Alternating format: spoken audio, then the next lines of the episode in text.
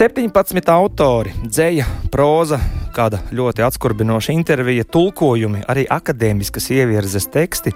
To visu atradīsiet jaunākajā literatūras žurnālā Strāva, numur 9, un jau tūdaļ sarunāsimies ar žurnāla redaktoriem Annu Auziņu un Ārvi Vigulu, kā arī vienu no autoriem - dzēnieci Lindu Gabarājevu. Kultūras rondo lasa lasa. Un, nu, jāsaka, godīgi, no, gribētos izlasīt no vāka līdz vākam. Es žurnālu saņēmu vakar, ieskatījos pāris rakstos, pāris publikācijās, jā, un ievelk, varu atzīties. Uh, labdien! Ar mani kopā tātad Anna Auziņa un Arvis Viguls, kas ir uh, redaktora. Arvis arī ir viens no autoriem, un arī Linda Gabarājeva, kas ir pašā grāmatas sākumā. Labdien! Labrīt! Sveiki! Sveicināti! Uh, mani nepamet sajūta, man ienāca prātā, es pārskrienot pāri šīm tēmām, ir tāds uh, angļu teiciens, don't grow up, it's a trap. Ja? Nepieaudz, tā, tās ir lamatas. Un šajā bērnu konteksta, bērnības kontekstā man tiešām šķiet, ka kā citējot arī vienu no autoriem, ārzemju autoru Džonu Volu, ja, ka mēs esam šīs daudzas um, bērnības fineses padarījuši otršķirīgas, vai viņas kaut, kā, kaut kādu procesu rezultātā paliek otršķirīgas, un tas ir bīstami. Anna, tev kā redaktorai jautājums, kāpēc šīs tēmas izvēle un uh, tieši šim laikam, kad žurnāls nāk ārā? Nu, laiks ir sakritība, um, un tēmas mēs apmēram izdomājam jau krietni iepriekš, kad mēs plānojam savus numurus. Mēs esam pieci cilvēki redakcijā, un um, ik pēc trim mēnešiem sanāk katrs no nu, mums iznāk numurs ik pēc trim mēnešiem, un mēs katrs esam atbildīgs par kādu numuru. Un sanāk, ka um, strāvas grūtniecība ir 15 mēneši nu, ka katru gadu man nav numurs. Bet, nu, šis man jau ir otrais. Man bija trešā strāva, un tagad devītā. Un tagad Arvis pavasarī gatavo desmito numuru.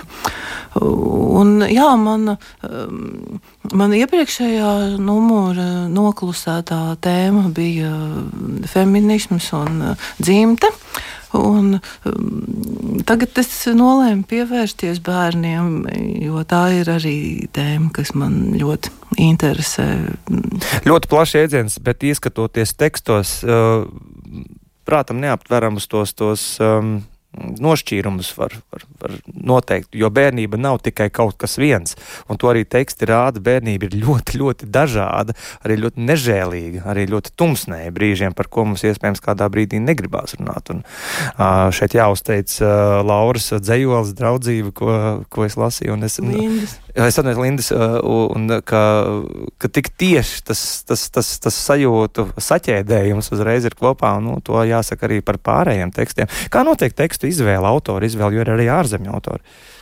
Jā, nu, ārzemju autori, ko, ko tu minēji, Džonu Volu, es piemeklēju īpaši, jo mani ieinteresēja, ka izrādās ir tāds čildisms, kas, jā, nu, tas ir līdz kursīvā kā svešvārds. Jā, kas iestājās par to, ka bērniem uh, arī nu, pienāktos dot balsi, bet uh, tas, protams, ir sarežģīti.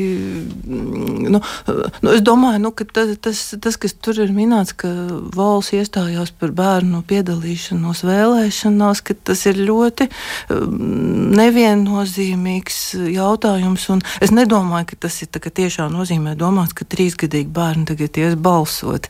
Um, bet, bet nu, tas ir vairāk par to, ka tāpat kā mēs par dažādām citām grupām un kultūrām um, Tagad mūsdienās vēlamies uzklausīt arī pašus to pārstāvis, nevis ko kāds cits par viņiem saka. Nu, piemēram, arī šis vecuma nošķīrums.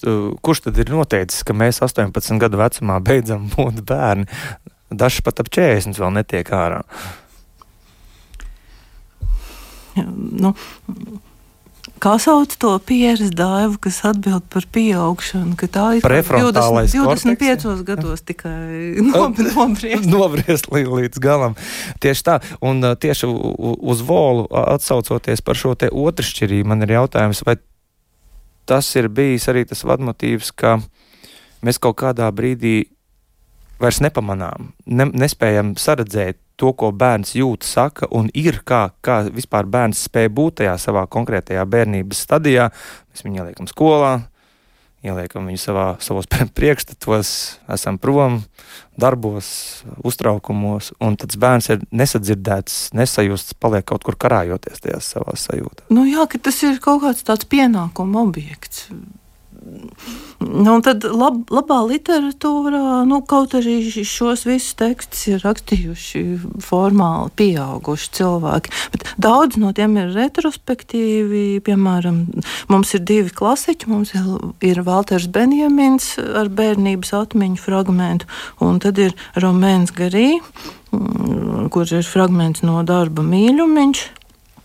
Tad Garīgi ir tulkojusi Gita Grīnberga un Benjamīnu ir tulkojis Igors Šuvājevs. Un, nu, nu, tur ir tādas nu, pieaugušu kungu atmiņas par, par savu bērnību, kur ta, tas, ko viņi pēc tam ir pieredzējuši un apguvuši, ka tas ir padarījis varbūt iespējamu reflektēt par, par šo bērnu redzējumu, bet nu, vienlaikus arī viņi to nav aizmirsuši. Nu, tad mums ir jaunāki autori un autores Latvijā, Linda šeit ir klātesoša studijā, un tad ir ļoti interesants Santas Irbas romāna fragments Bembija par meiteni, kas aug 80. un 90. gados mm, Latvijā.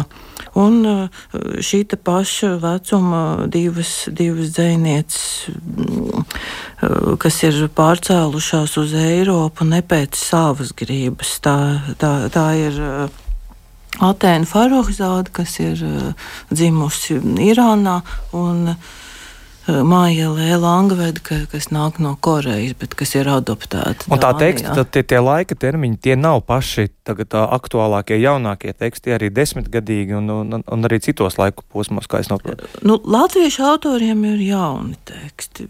Un tulkojumi tad ir? Tulkojumi ir, jā, vecāki. No At Atēnas grāmata ir jau kādas desmit, no es tagad no galvas neatceros, bet nu, nav tā kā pilnīgi svaigi. Tas ir bijis viņas pirmais krājums, kas ir jau Zviedrijā godalgots. Bet viņi, viņi joprojām ir jauna, skaista sieviete. Bet nu, vienkārši nu, tas nav tikko sarakstīts. Arvi, um, kā prēļu konceptuālisms uh, iet saskaņā ar žurnālu virsējumu? Nu, tas ir kaut kāds spēles prieks, domāju, kas ir bērniem raksturīgs un ko dzinieki un radoši cilvēki iespējams saglabā no bērnības tieši šo radošo prieku prieku kaut ko sacerēt, izdomāt, izprātot, safantazēt. Vienmēr ir jāpaturprātā, ka vienmēr uz pasaules kāds vēl nezina, kas ir prēļu konceptuālisms un kur atrodas alfabēta dzimtene un kas ir riebiņu pagasts. Varbūt tu vari nu, mazliet izvērst to, kamdēļ tas ir svarīgi. Nu, Tātad prēļu konceptuālisms ir mm, formāla, neformāla latviešu, pagaidām šķiet tikai latviešu dzinieku grupa vai apvienojums. Anna Auziņa arī ir parakstījusi prēļu konceptuālisma manifestu. Mums ir arī manifests, jā. Man gan jāatzīst, manifestu varēja parakstīt dažādos veidos, un es parakstīju tādā veidā, ka es kategoriski atteicos parakstīt prēļu konceptuālismu manifestu. Bet vienalga mans paraksts šādā veidā ar kategorisku atteikšanos tomēr ir tajā manifesta pašās beigās. Tur bija tādi burtu kodi. Jā, burtu kodi, jā, un es izvēlējos to kodu, ka, ka es īstenībā atsakos kategoriski parakstīt. Un tāpēc, iespējams, to es īstāka prēļu konceptuālisti, jo tu noteikti varbūt parakstīt, tur bija iespēja parakstīt ar visu ģimeni vai individuāli. Es, es ceru, ka es ģimenei šo atbildību neuzvēlu parakstīšanas brīdī, bet es toties nestāvēju pie šūpuļa. Kā, man, man, man šī alfabēta dzimtene vienmēr ir bijusi mazliet nesaprotama. Man iekļāva šajā grupējumā kolēģi, un tā kā man tā lieta patika, es arī neat, neiebildu. Ja mūsu dzird Einārs Pelšs. Un, uh, Einārs Pelšs ir uh, īst, īstenais, īstenais spēļu konceptuālists, jo viņš ir tiešām arī mitinās spēļos. Sveicieni arī viņam. Mēs varam ieskatīties um, spēļu konceptuālismu tekstā uh, šobrīd uz, uz mirkli, uh, lai, lai vairāk saprastu, par ko ir runa. Labi, es nolasīšu šo Tātad šajā strāvas numurā ir publicēts man desmit teksti, kas saucas Desmit teksti preļu konceptuālismu antoloģijai Igaunijas valodā. Un tā ir tiešām tas ir teksti, kas ir tapuši speciāli antoloģijai, kur šobrīd dzinieks kontrā atzejo Igaunijas valodā. Un es nolasīšu no šiem desmit tekstiem trešo tekstu. Trešais teksts kopā ar dzinieci C nav parakstījusi Preļu konceptuālismu manifestu, turpmāk PKM. Braucam uz dzimšanas dienu pie dzinieces D, parakstījusi Preļu konceptuālismu manifestu. Vilcienā sastopam dzinieci E un dzinieku F, abi nav parakstījuši PKM. Kādā brīdī, kad dziniece C un dziniece E iegrimušas sarunā, dzinieks F man jautā: Klau, Bet vai tu esi rakstnieku savienībā? Nē, es saku, neko vairāk nepaskaidrodams. Bet vai tu esi dzinieks F. turpina Latvijas Literature sarakstā? Es mirkli padomāju. Pag, tas ir tas latviešu autoru saraksts viņa mājaslapā? Jā, tieši tas man saka dzinieks F. mādams ar galvu. Jā, liekas, es esmu tajā sarakstā, es saku. Bet manis tur nav, saka dzinieks F. Un tad viņš atver telefonā Latvijas literatūras vietni, atrod minēto latviešu autoru sarakstu, sakārtot alfabētiskā secībā, un manu acu priekšā ritina to ekrānā. Un patiešām no A līdz Ž, no Ingas Ābeles līdz Ingai Žoludei, nekur tajā sarakstā nav atradusies vieta dziniekam F. Paldies! Arvijā.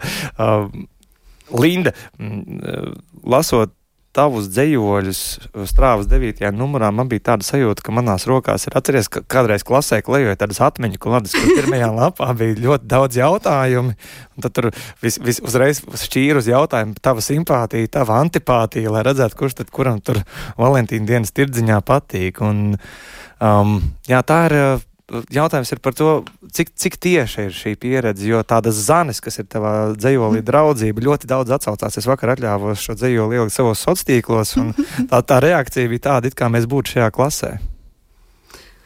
Nu jā, laikam tas, kā es vispār rakstu dzējoļus bērniem vai par bērniem, ir diezgan autobiogrāfiski. Ja, ja pieaugušo dzējoļus es rakstu no tādas vietas, kuras tik ļoti nu, nejūtu kā tieši par savu dzīvi un pieredzi, tad uh, bērniem es lielākoties tiešām rakstu kaut kādas lietas, kas ir notikušas ar mani uh, vai ar manu bērnu.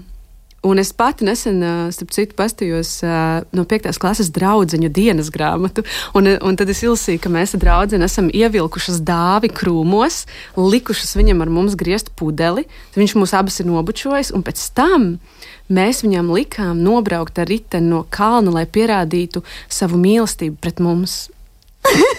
Viņš to izdarīja.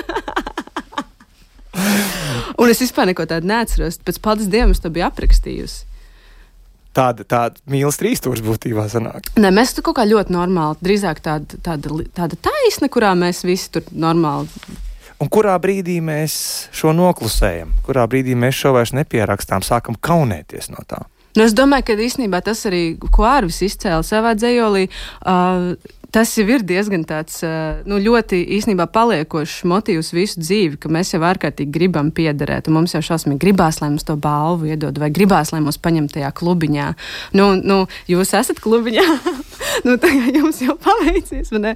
Nu, Prēļu konceptuāls klubiņā, bet redz vēl, vēl visādi klubiņu. Man liekas, tā nepieciešamība būt, nu, lai pasauc ārā paspēlēties, viņi jau nekur nepazūd. Vienkārši mēs jau izliekamies, nu, ka mūs tā kā neinteresē nu, ka mēs esam baigi pašpietiekami un, un tā. Vai arī pieaugušie grēko šajā ziņā, es domāju.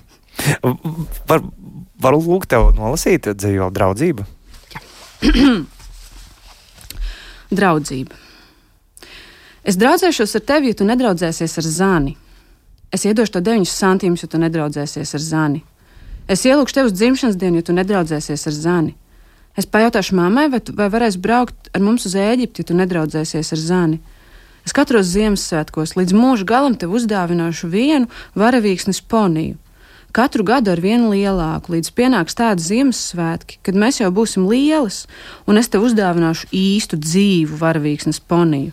Bet es arī vienu būšu nopirkusi sev, un tad mēs kopā jāsim uz darbu, un mūsu ponija dzīvos vienā stāvā, un mēs dzīvosim blakus mājās, ja tu nedraudzēsies ar Zani. Zani jau ir mana draudzene. Zana ir jau mana draudzene vai mana draudzene? Jā, viņa ir jau draudzene vai tā ir mana draudzene? Mana draudzene. Mana draudzene. Zana jau ir mana draudzene.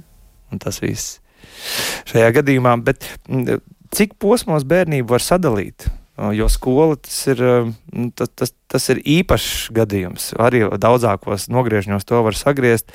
Un jautājums ir par to, kurā brīdī uh, mēs uzkraujam bērnam par daudz, un kurā brīdī mēs viņam nolaupam to bērnību.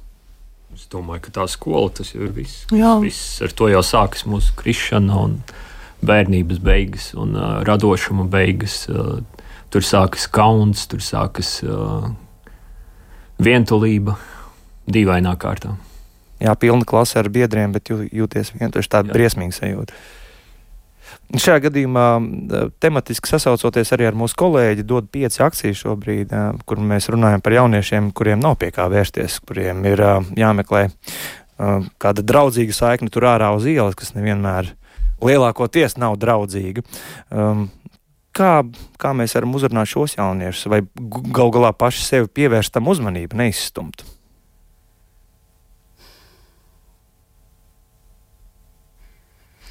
Nu, man droši vien tas lielais, tā lielā svārstīšanās ir starp to, ka ir ļoti viegli kaut ko uzrakstīt vai pateikt, vai padomāt, vai pat iedziļināties, bet ārkārtīgi grūti ir kaut ko praktiski izdarīt. Nu, jā, viena lieta ir noziedot, bet um, tas varbūt atkarīgs no temperamenta vai nu, no rakstura. Bet uh, man personīgi šausmīgi grūti veidot uh, veidot attiecības kaut kādas ar cilvēkiem, nu, kuriem varbūt tas varētu nākt pa labu.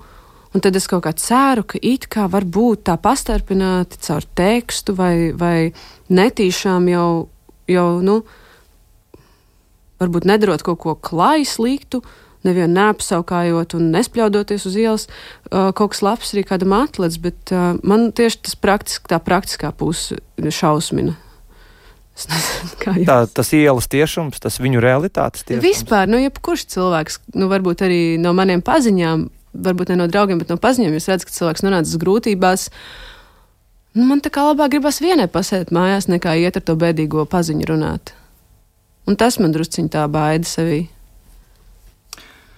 Es nevaru nepiekrist eh, tam, ko tu saki, un es nevaru neredzēt arī to uh, sevi. Bet no otras puses, mēs nevaram arī kā, uh, nu, novilkt robežu, kur ir tie jaunieši ar problēmām un kur ir piemēram mūsu autori. Mm. Uh, nu, tad, tad, tad, kad punktam sākās mītū sērija, un ne tikai, un tur, tur bija teiksim, anonīmas liecības no cilvēkiem, kam ir bijusi šausmas šausmīga bērnība. Vienkārši šausmīga, bet tomēr, nu, kas ir spējuši, spējuši kā, izteikt to vārdos. Un, un, Un, ja, ja, ja, ja, ir iespēja to rakstīt un cilvēkam kaut ko lasīt, tas varbūt, nu, ja, ja, ja tas vispār ir iespējams, tad tas dažreiz, man liekas, var ļoti palīdzēt arī šādu veidu komunikāciju. Tieši tā, un bērnība ir ļoti dažāda, kā to rāda arī strāvas devītais uh, izdevums. Un mums to, cik dažāda bērnība var būt, palīdz saprast arī pankroks.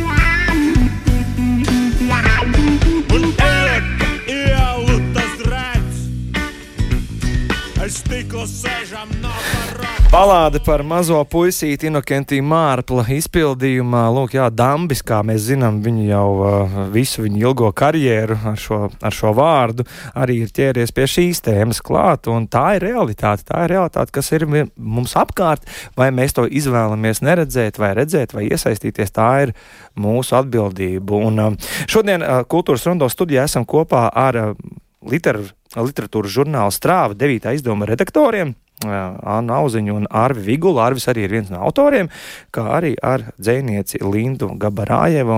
Linda arī atzīmē to, ka kādreiz iekšēji sajūta mums uzliek tāda kā barjera. Mēs negribam, kur smelties drosmi, lai dotos problemātiskas tādas sabiedriskas deviācijas virzienā un palīdzētu un sniegtu to palīdzīgo roku.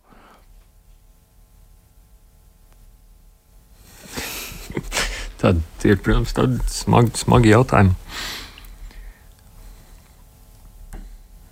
Nu, e, e, es tā kā arī ar vienu aci sekoju akcijai, un es zinu, nu, ka tādu cilvēku kā Edijs Klaišs ļoti daudz dara. Nu, nu, ko me, me, me, mēs no savas puses, nu, me, me, mēs varam to balss došanu piedāvāt un informāciju tekstuāli. Nu, tas, tas, tas ir tas, ko mēs profesionāli varam. Nu, Bet, kas, kas attiecas uz sabiedrību kā, kopumā, nu, manuprāt, problēma ir sistemātiska izglītības sistēma dažkārt šķiet īpaši paredzēta, lai atbaidītu jauniešus no izglītības. Bet atgriežoties pie tekstiem, man arī uzrunāja man personīgi tas, tās subjektīvi mm, Rēņa Pēles Karlsona dzīvoļi, kur gribās runāt par blēņām, ja, par, par, par desmit praktiskiem nedarbiem, kurus katrs puika vai meitene var veikt savā bērnībā, un pēc tam vai to noklusēt vai kaut kādā veidā padarīt par noslēpumu. Es nezinu, ja jūs varētu tagad tā atklāti atcerēties nu, tādu nedarbu, kuru jūs ilgi slēpāt un um, kurš būtu dzējoļu vērts. Linda Kratgalka. Es atceros ļoti skaidri, ka, ka tas bija 90. gadi, man bija seši laikam, gadi. Un Kandavas universālā veikalā es ieraudzīju kokus riekstu. Tas nebija kaut kas, kas tur parasti atradās. Un es biju ar vecumam kopā, un viņi nevarēja man tajā brīdī to kokus riekstu nopirkt, jo vienkārši mums nebija naudas. Nu, kā jau visiem, gan jau gandrīz izņemot reketieriem. Un, un tad es aizgāju mājās, un tad vecām iegāja lielajā istabā un viņi karināja savu somu uz tādu pieliekamā kloķīšu, un tad es izvilku viņas maciņu un izņēmu, izņēmu 25 centīmus. Tad es teicu, ka es aiziešu ciemos pie draudzenes. Bet es no sākuma aizgāju uz universālu veikalu un nopirku to kokas riekstu. Un tad es aizgāju ciemos pie draudzenes, un mēs kopā pāršķēlām to kokas riekstu un apēdām. Baltie meli. Nu, ne, ne, neko tādu, tādu, tādu vēlnišķīgu es te nesaskatu. Diezgan... Nu, bet no 90. gados 25 centīmi nozagt, nepateikt. Nu, nu tā. Es laikam par saviem nedarbiem tad nemaz nedrīkst runāt. Man jau bija 16. Un, uh, mēs izdzērām uh, Rakstnieku savienībā, kuras tobrīd uzturējos kā priekšsēdētāja meita, un mācījos angļu valodu. Mēs ar vienu citu puiku no, no, izdzērām šampānieti, kas bija nolikts zem krēsla kādam citam cilvēkam. Kāds autors paldies skaidrā. Tā sieviete, kas bija atbildīga par šampāni, teica, ka labi, eh, ka labi, ka viņa to ir pieķērusi, jo, ja būtu kāda čūsku vecena, tad, tad visi uzzinātu, ka imanta auziņa meita ir izdzērusi šampāni. Arvis dziļdomīgi klusē. Ne, ja es atcerēšos, tad būs jāraksta par to dzējolis, bet, ja es rakstīšu par to dzējoli, tad izpļāpāšos, tad vairs nebūs interesanti ne pašam rakstīt, ne citiem lasīt. Tāpēc es labāk. Lūk, šī, šī ir tāda makiavēliska viltība. Starp citu, kurā brīdī bērnībā mēs kļūstam viltīgi un ko mēs tajā brīdī iegūstam un zaudējam? Man liekas, ka ir bērni, kam ir no dabas tas dots, kas, kas tik līdz uh, sāk runāt, tā jau spēja būt viltīgi. Jā, vispār jā, tas ir labs. Tas ir kaut kāda, man liekas, jau cilvēkam iekšā. Tāds. Ir kaut kādas īpašības un kaut kas, kas mūsos tomēr ir tik līdz iemācījies. Pat vēl nemāki runāt, jo sācis kaut kādas lietas darīt. Kas... Mhm. Arvi, uh, varam lūgt tevi vēl nocitēt kaut ko no prēļu konceptuālisma šķirkļa šajā strāvas devītajā izdevumā? Labi, astotais teksts no desmit tekstiem preļu konceptuālas mantoloģija Igaunijas valodā. Ar nosaukumu no preļu konceptuālisma dziesmu vācelītes, dziesmiņa par ziepēm. Nevajag man šampūnu, ratā dušas želeju, visu sevi mazgāju, es ar ziepju gabalu. Ziepes ir vislabākās, tīrību tās modina, ziepēm rokas mazgāju, nokāpis no podiņa It nemaz vairs nebiedē mikrobs kāds vai vīrus, ja ar ziepēm uztur savas rokas tīras. Netīrumiem apaugsim tā kā koks ar piepēm, tāpēc ro rokas mazgāsim rūpīgi ar ziepēm. Tīk man dušā, dušā uzdziedāt, lai var visi dzirdēt, negribu es netīrs būt, negribu es smirdēt. Katru dienu augu lielāks, tas nav triks un tas nav brīnums, ziepes satur uzturvielas, kalciju un vitamīnus. Esmu puika veselīgs, muti plati smaidās stiepju, jo ikdienas uzņemu 200 gramus ziepju. Ziepēm uzdziedu par godu, ziepes jūs man esat viss, un pat visa zemeslode ir liels ziepju burbulis. Ceļos beidzas tā, bet es domāju, īsumā, ka tur pietrūks pēdējās, pēdējās četrīnas, kuras vēl neesmu sarakstījis, bet tur noteikti tur tam visam ir jābeidz ar to, ka galvenais varonis novēl to, ka pēc nāves, lai viņi savāri ziepēs. Tādam ir jā. Burtiski. Jā, jā, protams, jā, bet tas, tas būs. Jā, jo šī, šī ir tā kā žurnālā ir publicēta desmit tekstu preļu konceptuāls mantoloģija Igaunijas valodā 23. gada oktobra versija. Iespējams, būs vēl arī kāda cita versija, kur varbūt arī parādīsies šis papildinājums. Jā, paldies. Jā, par ziepēm. Jā, kolosāli. Un ziepes, protams, arī vilina nu, uz vēl kādu bērnības uh, atmiņu, noteikti Ojāra Vācieša uh, ziepju e, epopeja arī nāktu kādam prātā. Un tas ir labi. Tas ir labi, ka mūsu dažādos virzienos bērnības atmiņas var kaut kur aizvadīt un kaut ko rādīt. Bet ir arī tādas lietas, kas, kas, kas, kas um, kaitina. Es zinu, ka Lindu konkrēta valodas forma ir kaitinājusi, un par to arī ir dzīvos. Tevi no visiem visvairāk kaitina ģenitīvs. Nu, tad es arī nolasīšu droši vien. Man, man tiešām nepatika, ka, kā, nu, man principā nav pretenziju. Man ļoti patīk, ka cilvēki runā dažādi. Man patīk, ka cilvēkiem ir akcenti, man patīk, ka cilvēkiem ir vārdi, kurus saprot tikai viņi paši, ko viņi paši ir arī kaut kā izdomājuši. Man tiešām patīk, ka cilvēki runā uh, visādos jocīgos veidos, un man, man tā kā vienalga, man nešķiet, ka visiem jārunā pareizi. Bet uh, viena lieta tiešām man kaitināja kopš bērnības, kad kāds teica, mēs ar Lindas. Kaut kur ejam. Jā, jā un arī ar manīm nā, nu, a, a mēs, nu, nāc pie manīm, nāc pie manīm. Un, uh, es nezinu, mēs pirms, pirms palaišanas ēterā runājam, ka vai, vai tā ir kaut kāda kandavas lieta, vai tā ir tāda plašāka parādība, bet šie divi, šīs divas valodas kādas konstrukcijas man ārkārtīgi joprojām griežas ausī, un es neko nevaru darīt. Jā. Ģenitīvs kā instrumentālis. Nāc ar manīm, nāc ar manīm, nē, gan ar Annas, nē, gan ar Laimas, Nāc pie maniem, nāc pie maniem, nē, gan pie Annu, nē, gan pie Laimu. var spēlēties visu, kas nepatīk. Kā kāds runā, var pārvērst dzējā. Jā, un noteikti. Tad, un arī tas nav garants, ka tas kādam patiks. Bet varbūt par kaut ko aizdomāsies. Anna, saki, lūdzu, par um, Pārējiem autoriem strāvas 9. izdevumā beidzamās lapas ir melnā krāsā ar baltu tekstu. Jā, tur pie tam izrādījās, ka es esmu pasūtījusi baltu tekstu uz melnu fonu, jo tā bija oriģinālā, bet oriģinālā tikai katra rindiņa bija melna un tad balta. Jā, par kādu oriģinālu ir runa, kas par autoru? Tā ir jau manis minētā Atēna Farūzāda. Tad es viņu satiku festivālā Page Break kas notiek Jāgavā pavasaros, un tad sadarbībā ar šo festivālu mums e, materiāls, un Arnis Mincenhofs ir atzījis Atēnu Farozādu no viņas krājuma, kā Mincenhofs ir iztulkojis Baldbale. Uh, nu, nu, tas ir tāds apzīmējums imigrantiem no citas kultūras, kas mēģina iekļauties Eiropā. Jā, nu, tā kā balē balta. Nu, zviedriski tas ir vītis, vīti, tur ir druciņi arī tā kā svīti vīta, eh, bet tad eh, Arnis Mincenhofs arī ļoti ilgi domāja, kā to, eh, kā to latviskot un palika pie baldbali.